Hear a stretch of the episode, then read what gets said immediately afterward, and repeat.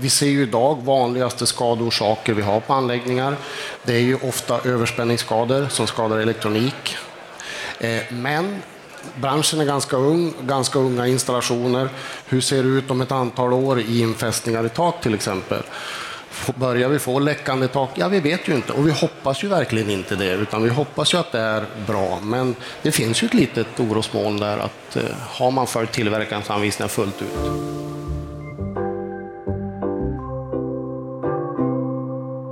Du lyssnar på Elinstallapodden, ett program från tidningen Elinstallatören. Jag heter Henrik Sannesson. Fyra av fem solcellsanläggningar installeras fel. Det var rubriken för ett sensamtal som jag och Sofie Båtmästare höll på Elfack den 11 maj tillsammans med installatörsföretagen Cecilia Axelsson, aktuell med IENs nya koncept Säker Sol. Medverkar ju också Per Ångman på Länsförsäkringar. Försäkringsbolaget har i flera år åt sina kunder besiktat anläggningar som håller på att installeras. Trots att branschen mognat blir det fortfarande många fel. Här kommer samtalet. Det vi såg att vi behövde göra det var ju att vi behövde tydliggöra befintliga regelverk. Och vi på Länsförsäkringar har ju liksom aldrig några egna regelverk utan vi försöker ju någonstans att lyfta fram de befintliga som gäller helt enkelt. Och eh, under den här tiden så har vi försökt jobba nära installatörer, vi har försökt att vara med och påverka i olika forum, få vara med i sådana här vad har de här installatörerna sagt eh, när ni har träffat dem? Ja, men alltså, de flesta är ju absolut tacksamma när vi träffar dem. För att jag, menar, jag är helt övertygad, det finns ingen som är intresserad av att göra medvetna fel. Utan jag tror att det, det är viktigt för oss att, att hjälpa till att utbilda branschen och eh, framhålla. Men som svar på frågan, så, som det ser ut nu, så, så tycker jag verkligen att vi har klivit upp några snäpp och att det ser mycket bättre ut idag. Fast det finns fortfarande brister ute i branschen. Om du skulle vara lite mer specifik där, vad är det som har förbättrats? Vad, för att jag menar, vi, vi, har ju sett väldigt grova fel tidigare och ja. vi har visat upp jättemycket sånt i tidningen och, och, och, och, så. Men vad, vad är det som har förbättrats mer specifikt? Ja, men jag upplever att det har förbättrats att företagen är mer intresserade av att, att se till att ta till sig vad är det som gäller. Vad är det för tillverkarens anvisningar som gäller framför allt? hur ska vi installera på just den här anläggningen, det här taket eller på marken eller vart det än det är. Så att branschen har blivit mycket mera eh, uppmärksammad på gällande regelverk skulle jag säga. Och, därför så har det blivit bättre. Mm. Har elinstallationsföretagen kommit in mer i branschen? Liksom? Det bidrar ju också. För att i början av den här så kallade eran så, var det ju väldigt, väldigt få elinstallationsföretag som var med, utan det var solcellsföretag. Eh, och, men idag ser vi en svängning mot det, att det är mera elinstallationsföretag som är inblandade. Mm. Om man ser på liksom hur det ser ut idag, vad är det för vanliga fel som ni ser och vilka konsekvenser kan de leda ja, till? Alltså de, de, vanligaste felen som vi ser, ja, men det är fortfarande kabelförläggning på tak, eh, bakom paneler och så vidare. Avsaknad av skydd där det krävs. Bland annat jordfelsbrytare, överspänningsskydd till exempel. Eh, och sen den som det skulle jag säga nästan alltid brister är ju dokumentationen av en anläggning. När kunden har köpt sin anläggning, när man är klar, när man lämnar över projektet till anläggningsägaren, alltså kunden så saknas det nästan alltid tillräcklig dokumentation. När du säger kabelförläggning, vad, vad mer specifikt, vad, vilken typ av fel kan det vara? Ja, men det skulle jag säga uppfästning av strängkablar bakom paneler, de ligger mot takytan och så vidare.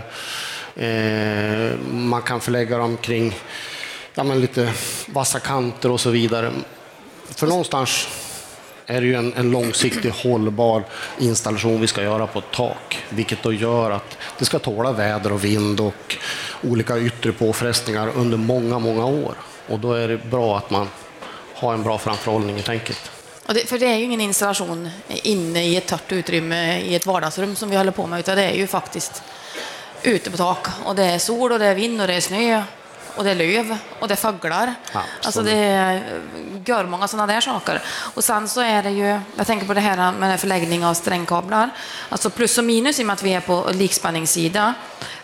Där har riktlinjerna tidigare varit att man ska lägga dem en bit isär. Men eh, nu är riktlinjerna att nu ska de ligga ihop. Och det där är också en sån här, och det är inte av elsäkerhetsskäl, utan det är av elektromagnetisk kompatibilitet, tänkte jag, och elektromagnetiska störningar, alltså EMC. Så att det här är ju en föränderlig bransch och det gäller ju att hålla sig uppdaterad på hur ser det ut nu? Hur ser riktlinjerna ut nu? Och sen vara väldigt ödmjuk inför att allting inte hinner att ändras i standard. Nej.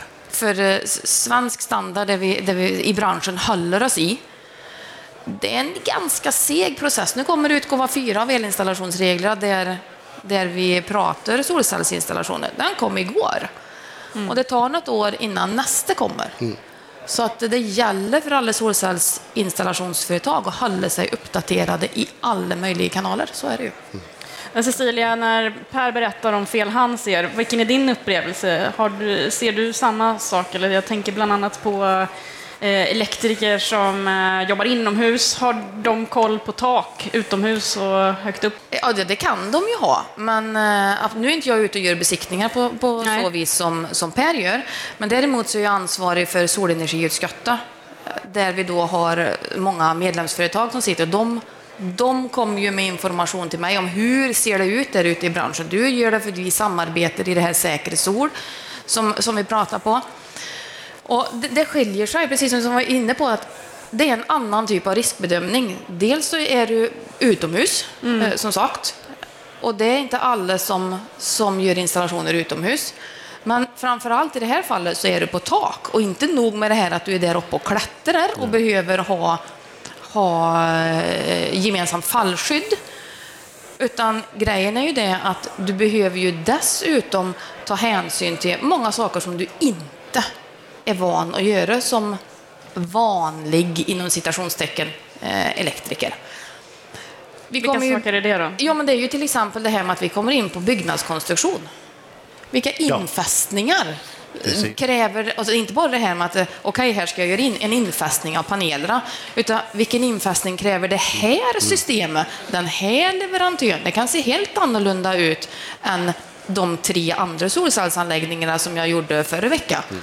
Eh, och sen så har just det här med att eh, man ska göra de här teoretiska beräkningarna. Det är heller inte alla installatörer som är vana det. Så, men just att göra solcellsinstallationer på ett tak, då kommer ju byggnadskompetensen in. Och, och mm.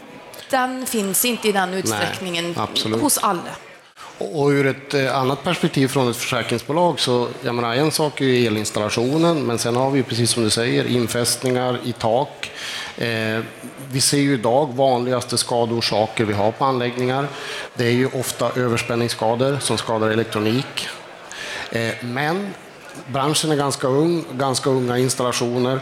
Hur ser det ut om ett antal år i infästningar i tak till exempel? Börjar vi få läckande tak? Ja, vi vet ju inte och vi hoppas ju verkligen inte det, utan vi hoppas ju att det är bra. Men det finns ju ett litet orosmoln där att eh, har man följt tillverkarens anvisningar fullt ut utifrån påverkan av väder och vind och allt möjligt. För ekonomin i det här handlar ju om att det här är en anläggning som ska sitta upp i 30 år. Verkligen. Det är det som det bygger på, hela ja. kalkylen. Och då, ja. då kan det ju inte vara ett underhållsärende efter fem år. Exakt. Exakt. Och vatten är ju inte barmhärtigt överhuvudtaget. Nej. Vatten rinner ju till och med bakvägen, alltså det rinner ju uppåt om det vill.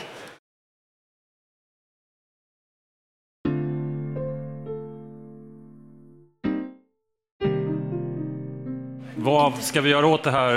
Det ska vi borra i. Eh, men jag tänkte att vi ändå ska öppna lite grann också för att eh, det finns möjlighet att ställa frågor från er i publiken. Så att om det är någon som sitter och fnular på någonting så får vi komma tillbaka till det. Mot slutet. Eh, men ni på installatörsföretagen har ju tagit fram ett nytt branschregelkoncept eh, för branschen som heter eh, Säker Sol. Och en viktig del i det handlar om kompetens, att man behöver rätt kompetens på taken. Och där, finns, där gör ju branschen väldigt olika. Alltså vissa företag använder montörer som har fått en tre månaders utbildning. Räcker det för att jobba på, på tak med solceller? Den, den här kombinationen, alltså just det här med att du behöver ha både takkonstruktions och byggnadskompetens och du behöver ha eh, elkompetens i en och samma person. Det är en sanning med, med modifikation. För, eh, för fem år sedan så fick vi det här kravet på egenkontrollprogram och så länge då som en person ingår i ett egenkontrollprogram som då har begränsad kunskap och då utför begränsade elinstallationsarbeten så då kan det räcka med tre månaders utbildning. För säg de då som är riktigt duktiga på infästning, alltså de, de, de, som är, de är byggnadsarbetare, de, de kan det, de är vana att gå på tak, de eh, kan jobba i selar, eh, de är vana att bygga ställning och så vidare, men de har inte den elektriska kompetensen. Av förklarliga skäl. Men att utbilda dem och låta dem gå med och lära sig det här med förläggning av strängkablage, eh, alltså MC4-kontakterna. Mm. Och då lära dem att se varför ska du förlägga på, på ett visst sätt? Hur, vad är böjradien på de här och vad kan hända om du inte gör det på rätt sätt? Och inte minst då, dokumentation. Vad vill vi att du dokumenterar för, vårt, för vår egenkontroll?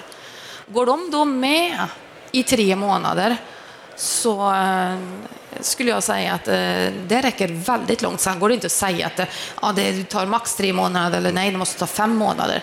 Utan men, tre månader ser inte jag några konstigheter att gå men, med och lära sig de, de begränsade sakerna. Vissa företag säger att nej, men vi har bara elektriker på taket, det känns bättre så. Är inte det bättre då?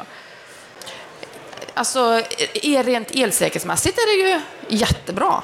Men hur är det med byggnadskonstruktionskompetensen hos elektrikerna? Bygga ställningar och alltså bygga ställningar. säkerhet, och, eller vad är det du tänker på då?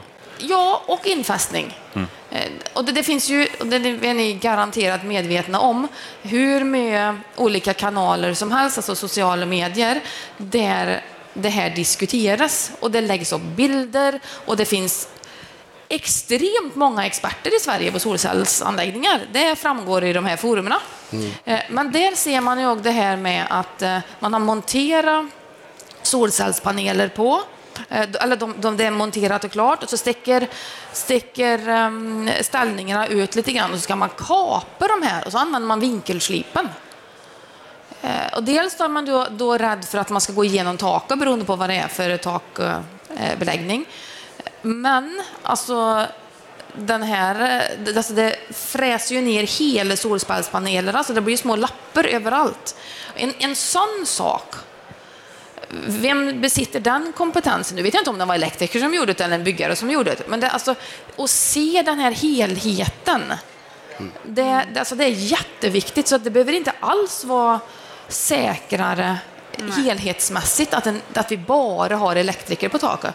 De behöver konstruktionskompetensen. så det låter ja, vi behöver ju folk. Ja, absolut. att det kan gå att lära sig eh, relevant Ja, men det gör det. Relevanta delar på tre ja. månader. Men jag tänkte på det här med vinkelslipen. Jag såg nämligen en bild eh, på Facebook där eh, många spekulerade i att det var just vinkelslip okay. som hade använts. Ja, det kanske var samma just, inlägg. Ja, ja, det kanske det var.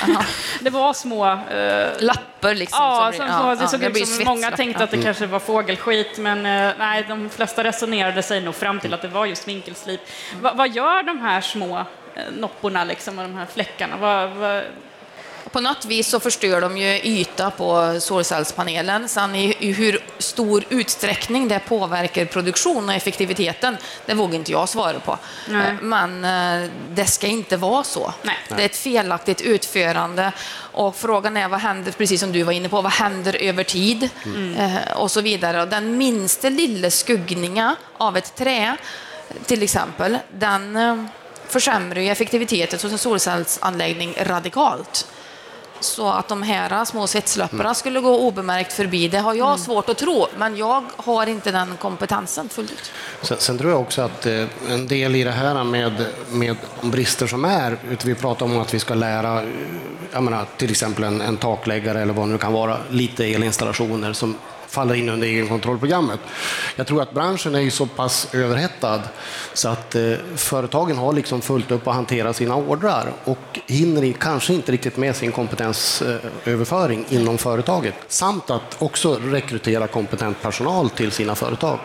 Men, men finns det liksom en... Eh, är det det som ert koncept går ut på, att liksom säga vad som, vad som faktiskt behövs så att man kan hitta den här rätt nivå? För det verkar ju som att det finns ett väldigt spann av liksom, koncept här, vilken typ av kompetens som behövs eller vilken man använder. Det verkar lite random nästan.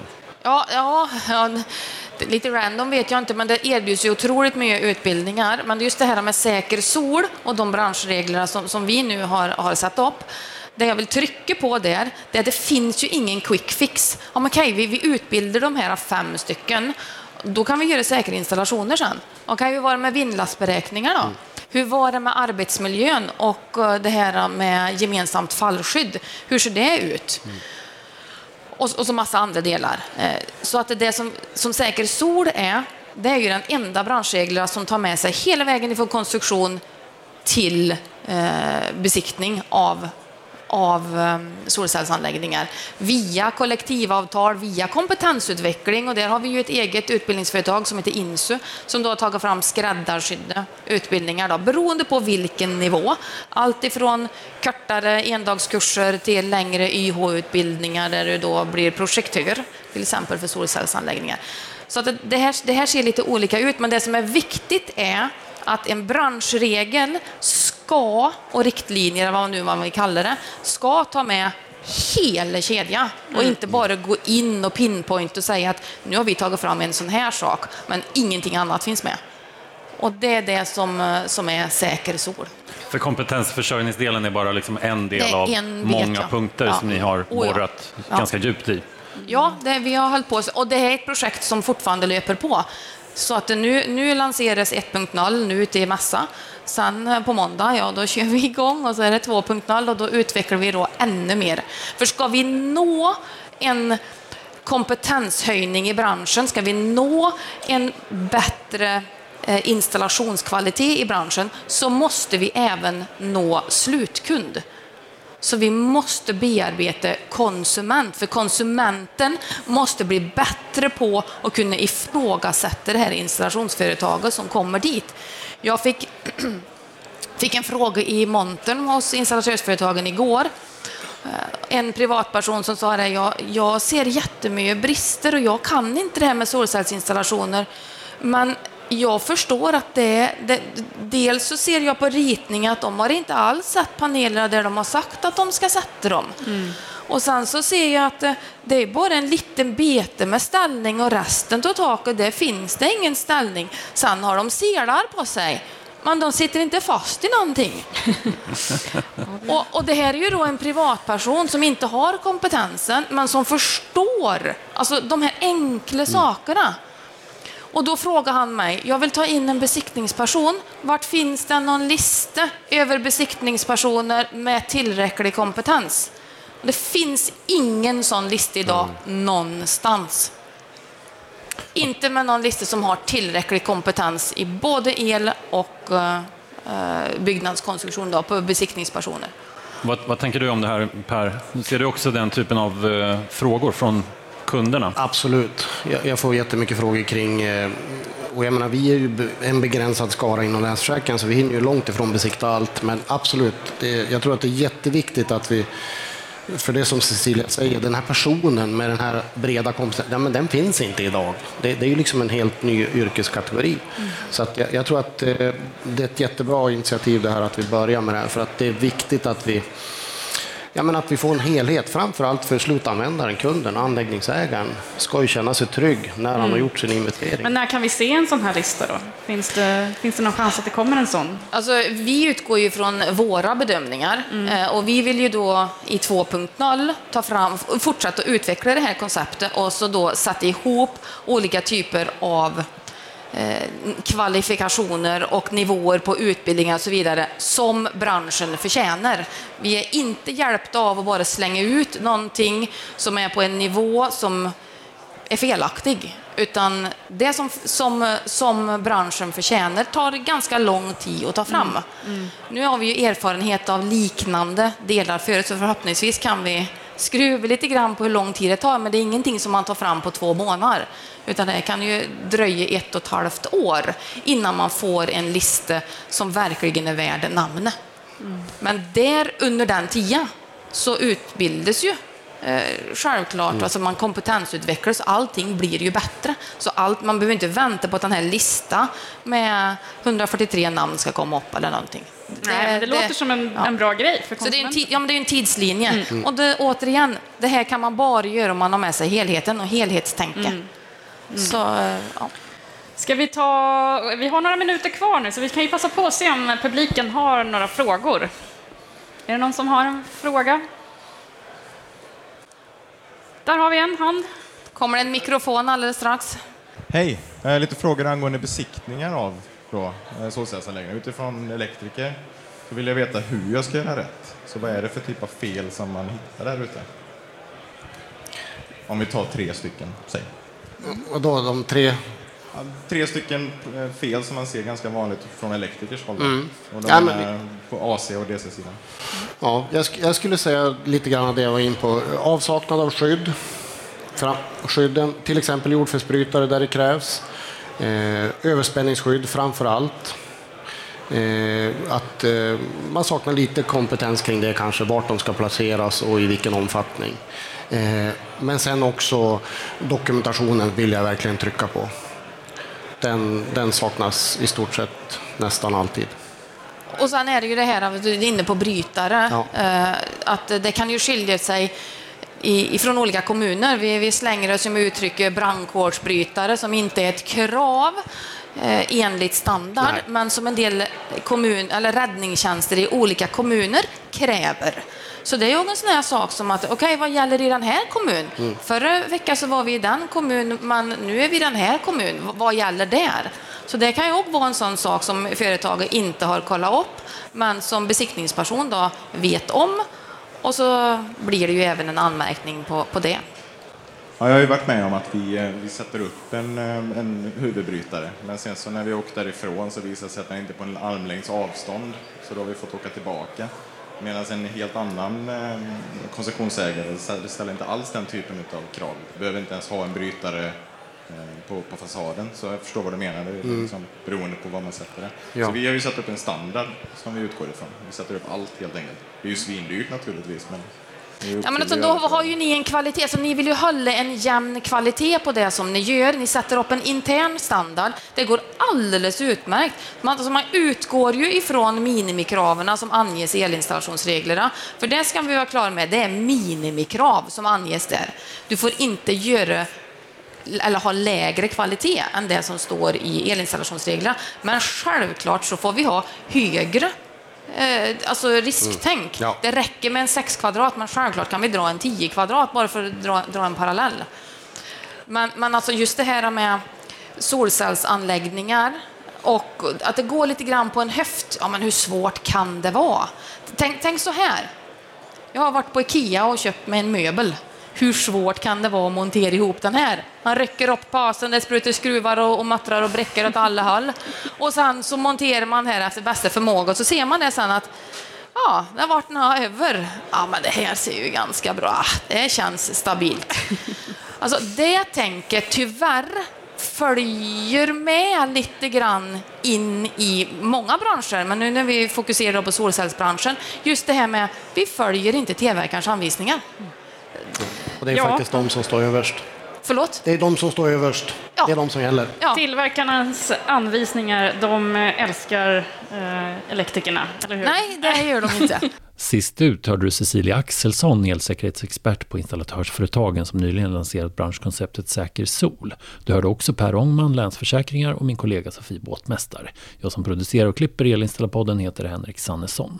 Vill du sponsra programmet, ta gärna kontakt med Ann-Marie Eriksson som kan berätta mer. Du når henne på annons.elinstallatoren.se. Följ oss gärna i din poddtjänst så missar du inga nya avsnitt. Hej då!